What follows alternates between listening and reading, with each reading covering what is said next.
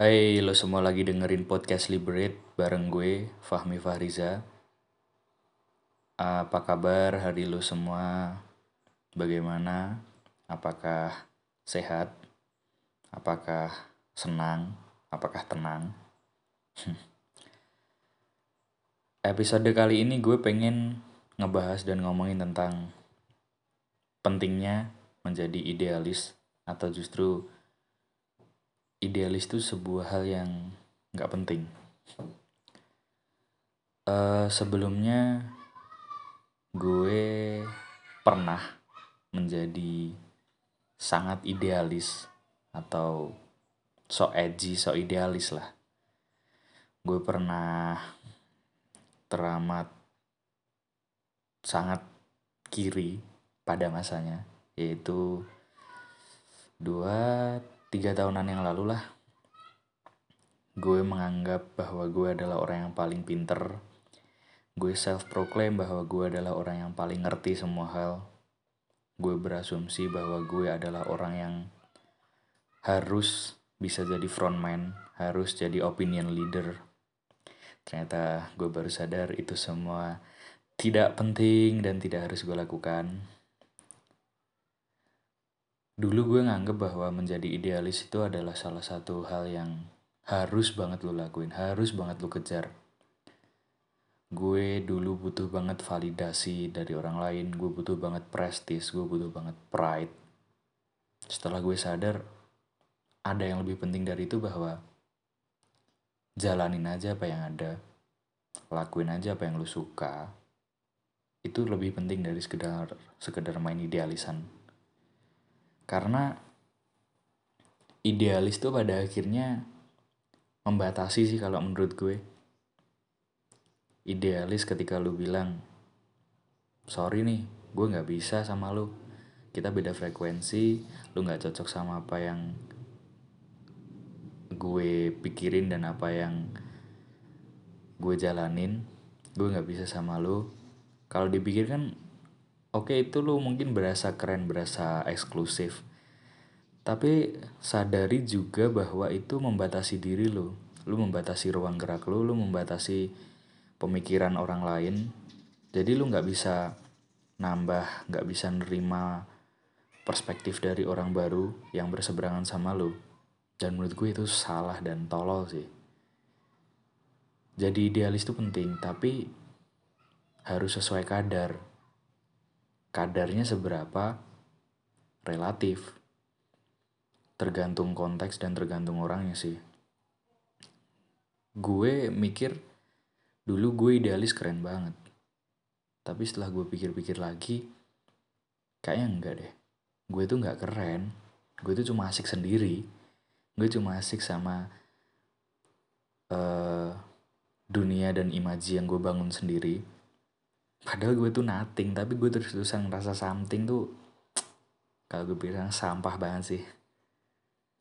Ngomongin idealis berarti kaitannya juga relatable sama passion.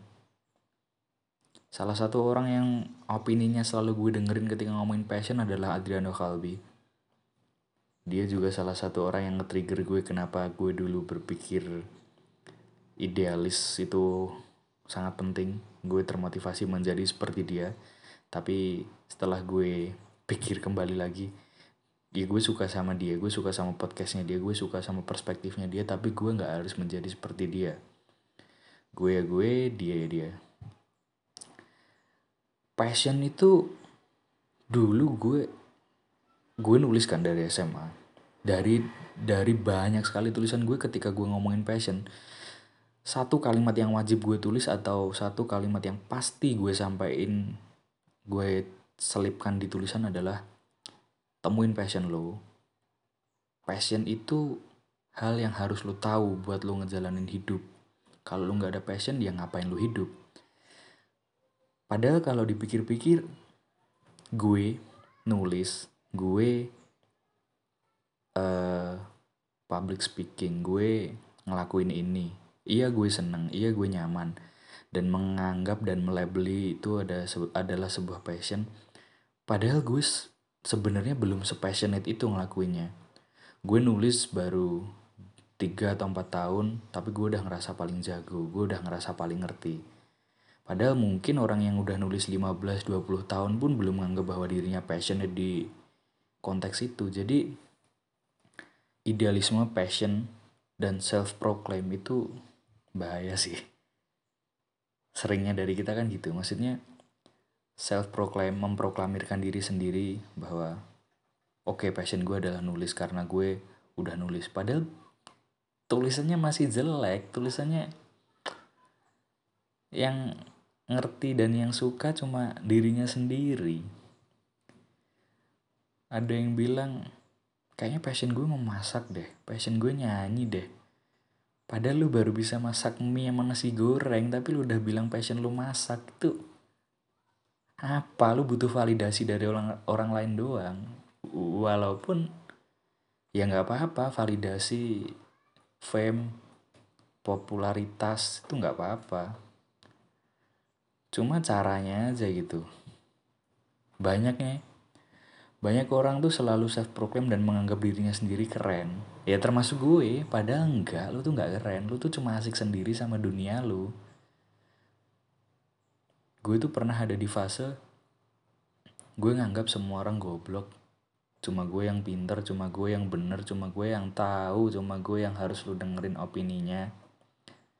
Dan gue sadar itu salah salah satu kesalahan terbesar dalam hidup gue gue bukan menyesal sih tapi lebih mikir anjing gak seharusnya gue mikir kayak gini gak seharusnya gue ngelakuin hal ini karena validasi terus eh, kebenaran itu harusnya datang dari orang lain, bukan dari lu sendiri. Dan harusnya itu semua diberikan, bukan diminta. Ngomongin passion ya, sekarang gue 20 tahun.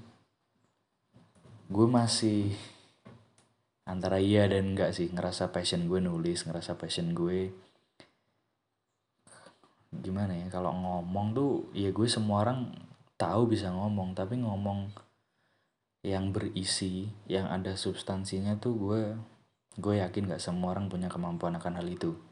Ada banyak faktor yang melatar belakang. Ya pendidikan referensi mental banyak lah nah tapi apakah gue menitik beratkan itu menjadi sebuah passion yang oke okay, ini passion gue. Passion gue adalah gue bisa public speaking passion gue adalah gue jago nulis passion gue adalah gue mampu orator gue mampu orasi eh mampu orator mampu orasi menjadi orator dan bla bla bla bla bla. Iya dan enggak jawabannya iya dalam artian gue senang ngejalaninya iya dalam artian gue udah nggak canggung lagi. Gue udah udah nggak perlu mencari di mana enaknya. Karena gue udah nemuin itu. Tapi ketika gue menjadikan ini sebuah passion dan mengharuskan gue ngelakuin semua hal harus sesuai passion gue enggak gue banyak juga ngelakuin hal-hal yang bertentangan dengan passion gue sih. Jadi batas passion itu bias terus gue pengen ngomongin menjadi penting itu nggak penting. Pahami konteksnya? Menjadi penting itu nggak penting. Semua orang tuh berasa pengen jadi frontman berasa pengen jadi number one berasa pengen jadi yang paling disorot yang paling disukai semua orang padahal menurut gue itu nggak penting kali itu tuh analoginya sama kayak jangan kelihatan kaya dong. Tapi udah lu kaya aja nggak perlu kelihatan kaya. Nah masalah yang terjadi adalah semua orang ingin kelihatan bukan menjadi. Jadi ingin kelihatan penting bukan menjadi penting. Ingin kelihatan sukses bukan menjadi sukses. Ingin kelihatan keren bukan menjadi keren. Jadi yang mereka asah atau yang mereka uh, utamakan yaitu tampilan, bungkusan, terus juga luaran tuh apa ya gak padannya luaran. Ya maksudnya tampilan dan segala macamnya bukan isi kepala atau karya. Walaupun di sisi lain gue tidak mengharuskan semua orang berkarya sih. Cuma sayang aja gitu ketika lu punya kesempatan lu punya waktu tapi lu nggak memanfaatkan itu dengan berkarya tuh sayang sayang banget menurut gue. Gue bikin podcast gue nul bikin blog gue bikin film.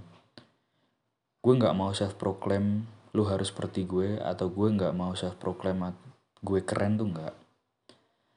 Tapi itu adalah salah satu hal yang menurut gue bisa jadi portofolio lah paling nggak atau memoir dalam hidup gue.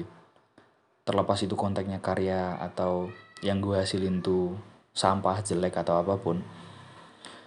Tolak ukurnya bukan itu tolak ukurnya adalah ketika gue ngelakuinnya gue seneng. Ketika gue ngelakuinnya gue nyaman. Dan ketika gue ngelakuin ini nanti secara berulang-ulang secara bertahap pada akhirnya gue bertumbuh gue berproses. Gue ekspansi memperbesar memperluas medium karya gue dari yang sebelumnya gue cuma nulis di blog. Mungkin someday gue bakal bikin buku gue bahkan bikin bahkan mungkin bisa nulis di media-media online. Ketika gue bikin sekarang film-film pendek bareng teman-teman gue mungkin nanti dari sana relasinya akan lebih luas jangkauannya akan bertambah. Gue mungkin bisa produksi film besar sama-sama sama orang-orang yang memang sudah berkecimpung di sana lebih dulu. Sekarang gue bikin podcast siapa tahu mungkin nanti bisa jadi radio announcer atau apa pun ya gue nggak tahu jalan hidup itu. Dari mana gue bisa tahu kalau sekarang gue nggak nyoba dari sekarang? Nah memang pilihan. Jadi berkarya berkarya tuh emang pilihan bukan keharusan. Nah ini, ini pilihan yang gue ambil dan harusnya lu ngelihat juga ini sebagai sebuah kesempatan atau pilihan. Lu tuh juga punya pilihan kali. Mau sampai kapan cuma jadi penikmat? Mau sampai kapan cuma jadi pasar lu dong sekalinya yang harus jadi produsen lu yang harus create lu yang harus bikin. Karena situasinya sekarang digitalisasi udah gila-gilaan.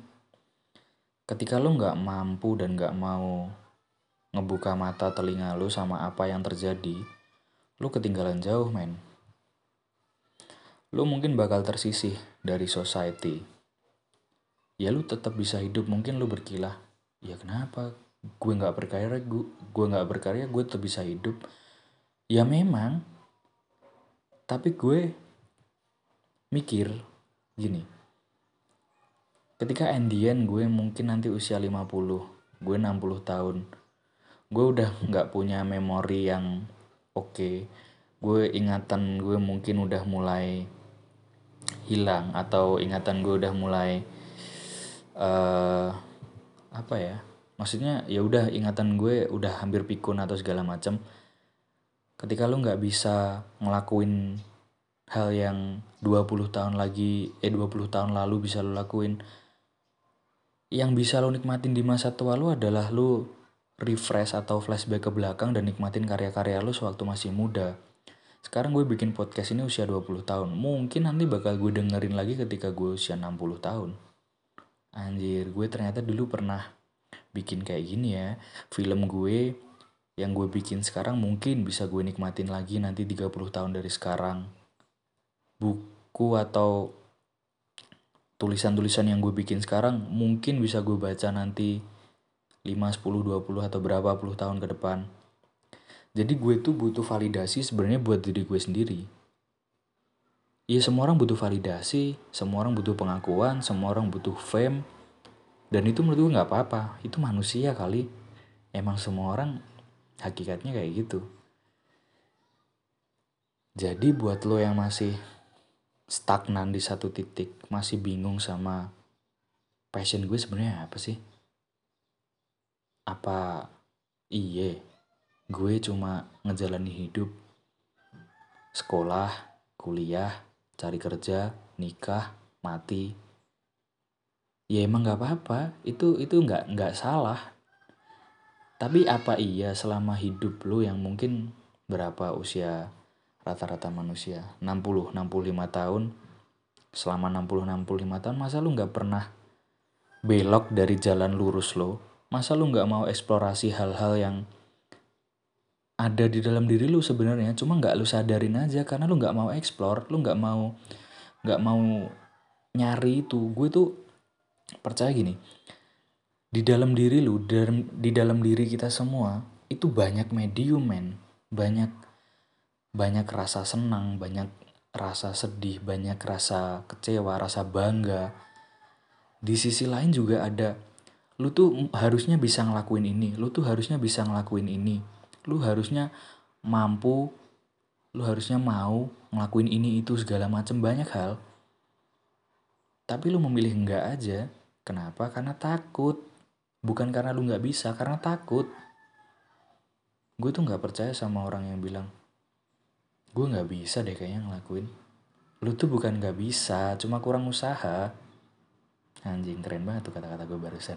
Padahal gue si banyak ngeluh. Ya balik lagi.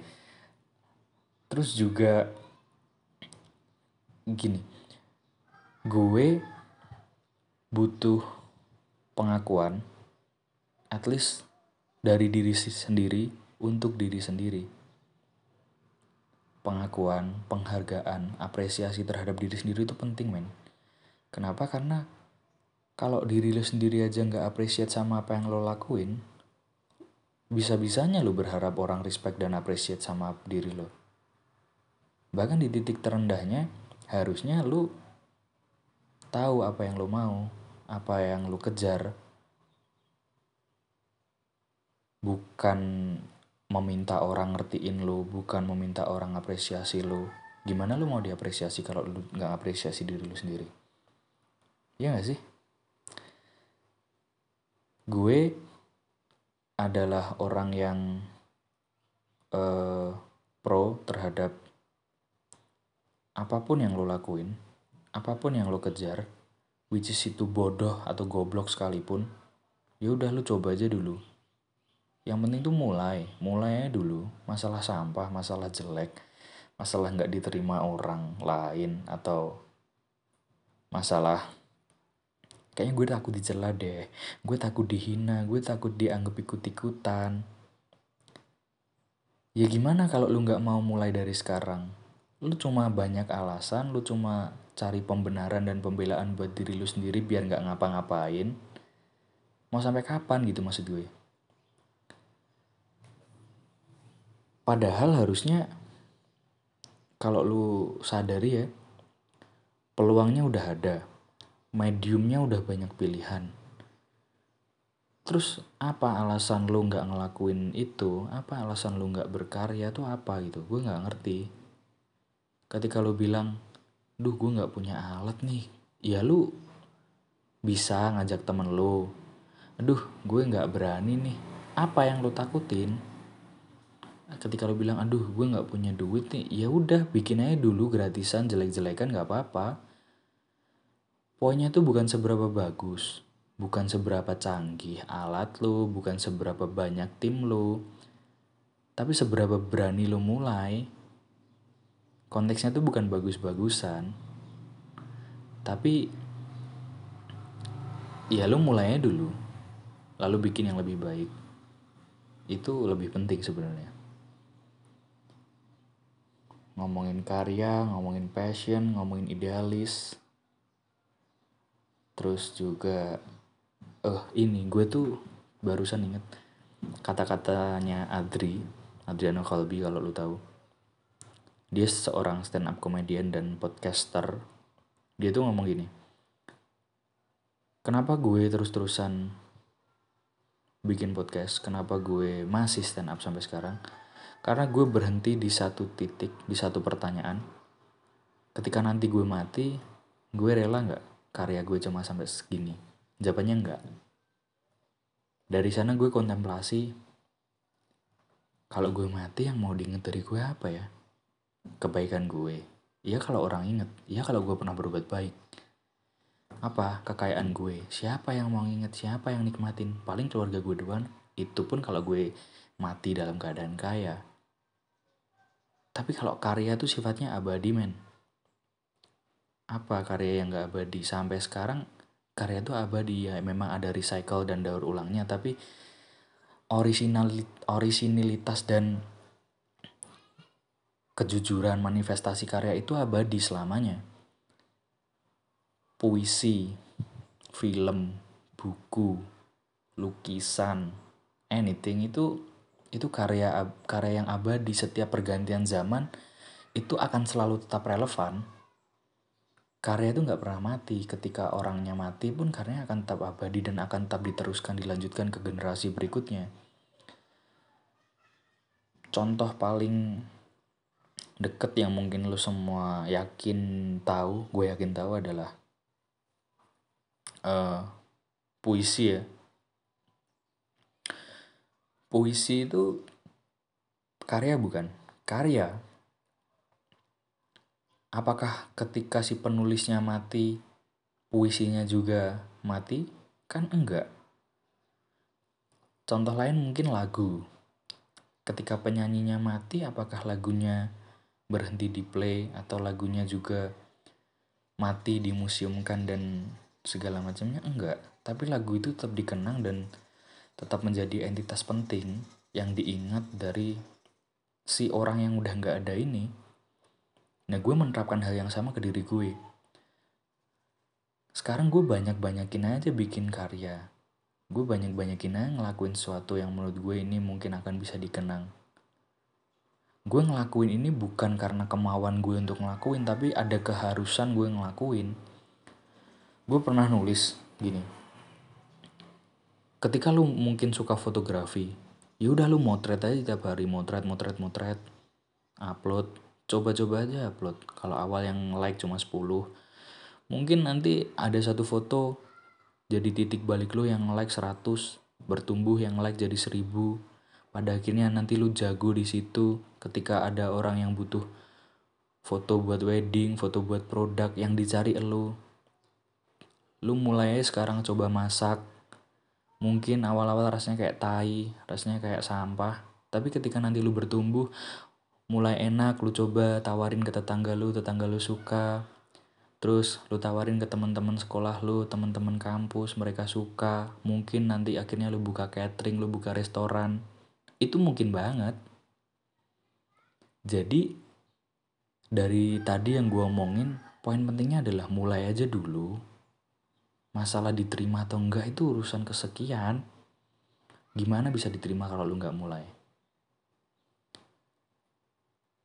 gue konsisten untuk nulis bukan karena gue pengen nulis tapi gue harus nulis supaya perbendaharaan kata gue bertambah supaya literasi gue tetap jalan supaya otak gue tetap bekerja. Dan itu tidak menutup kemungkinan gue akan memperluas ke platform lain. Gue mungkin akan mulai nulis di media gue mungkin akan bikin buku itu semua kan nggak bisa terjadi kalau gue nggak mulai dari sekarang. Gue nggak mulai nulis dulu yang jelek. Gimana caranya lu bisa karya gimana caranya lu bisa bikin karya yang bagus kalau lu nggak mulai dulu dari yang jelek? Itu nggak mungkin. Jadi buat lu yang ber yang nggak berkarya yang belum tahu passion lo coba lu kenalin diri lu dulu deh. Lu ajak ngobrol diri lu sendiri. Sebenarnya yang lu pengen tuh apa sih? Yang lu mau tuh apa? Yang pengen lu kejar tuh apa? Goals lu tuh apa? Lu butuh validasi dari siapa? Prestis yang pengen lu raih itu apa? Ketika nanti lu udah tahu itu semua lu pasti akan dengan senang hati dengan sepenuh hati ngejalanin apa yang lu mau. Orientasinya bukan duit tapi pride dan itu menurut gue jauh lebih penting daripada sekedar duit. Ya duit juga penting sih. Eh penting duit sih.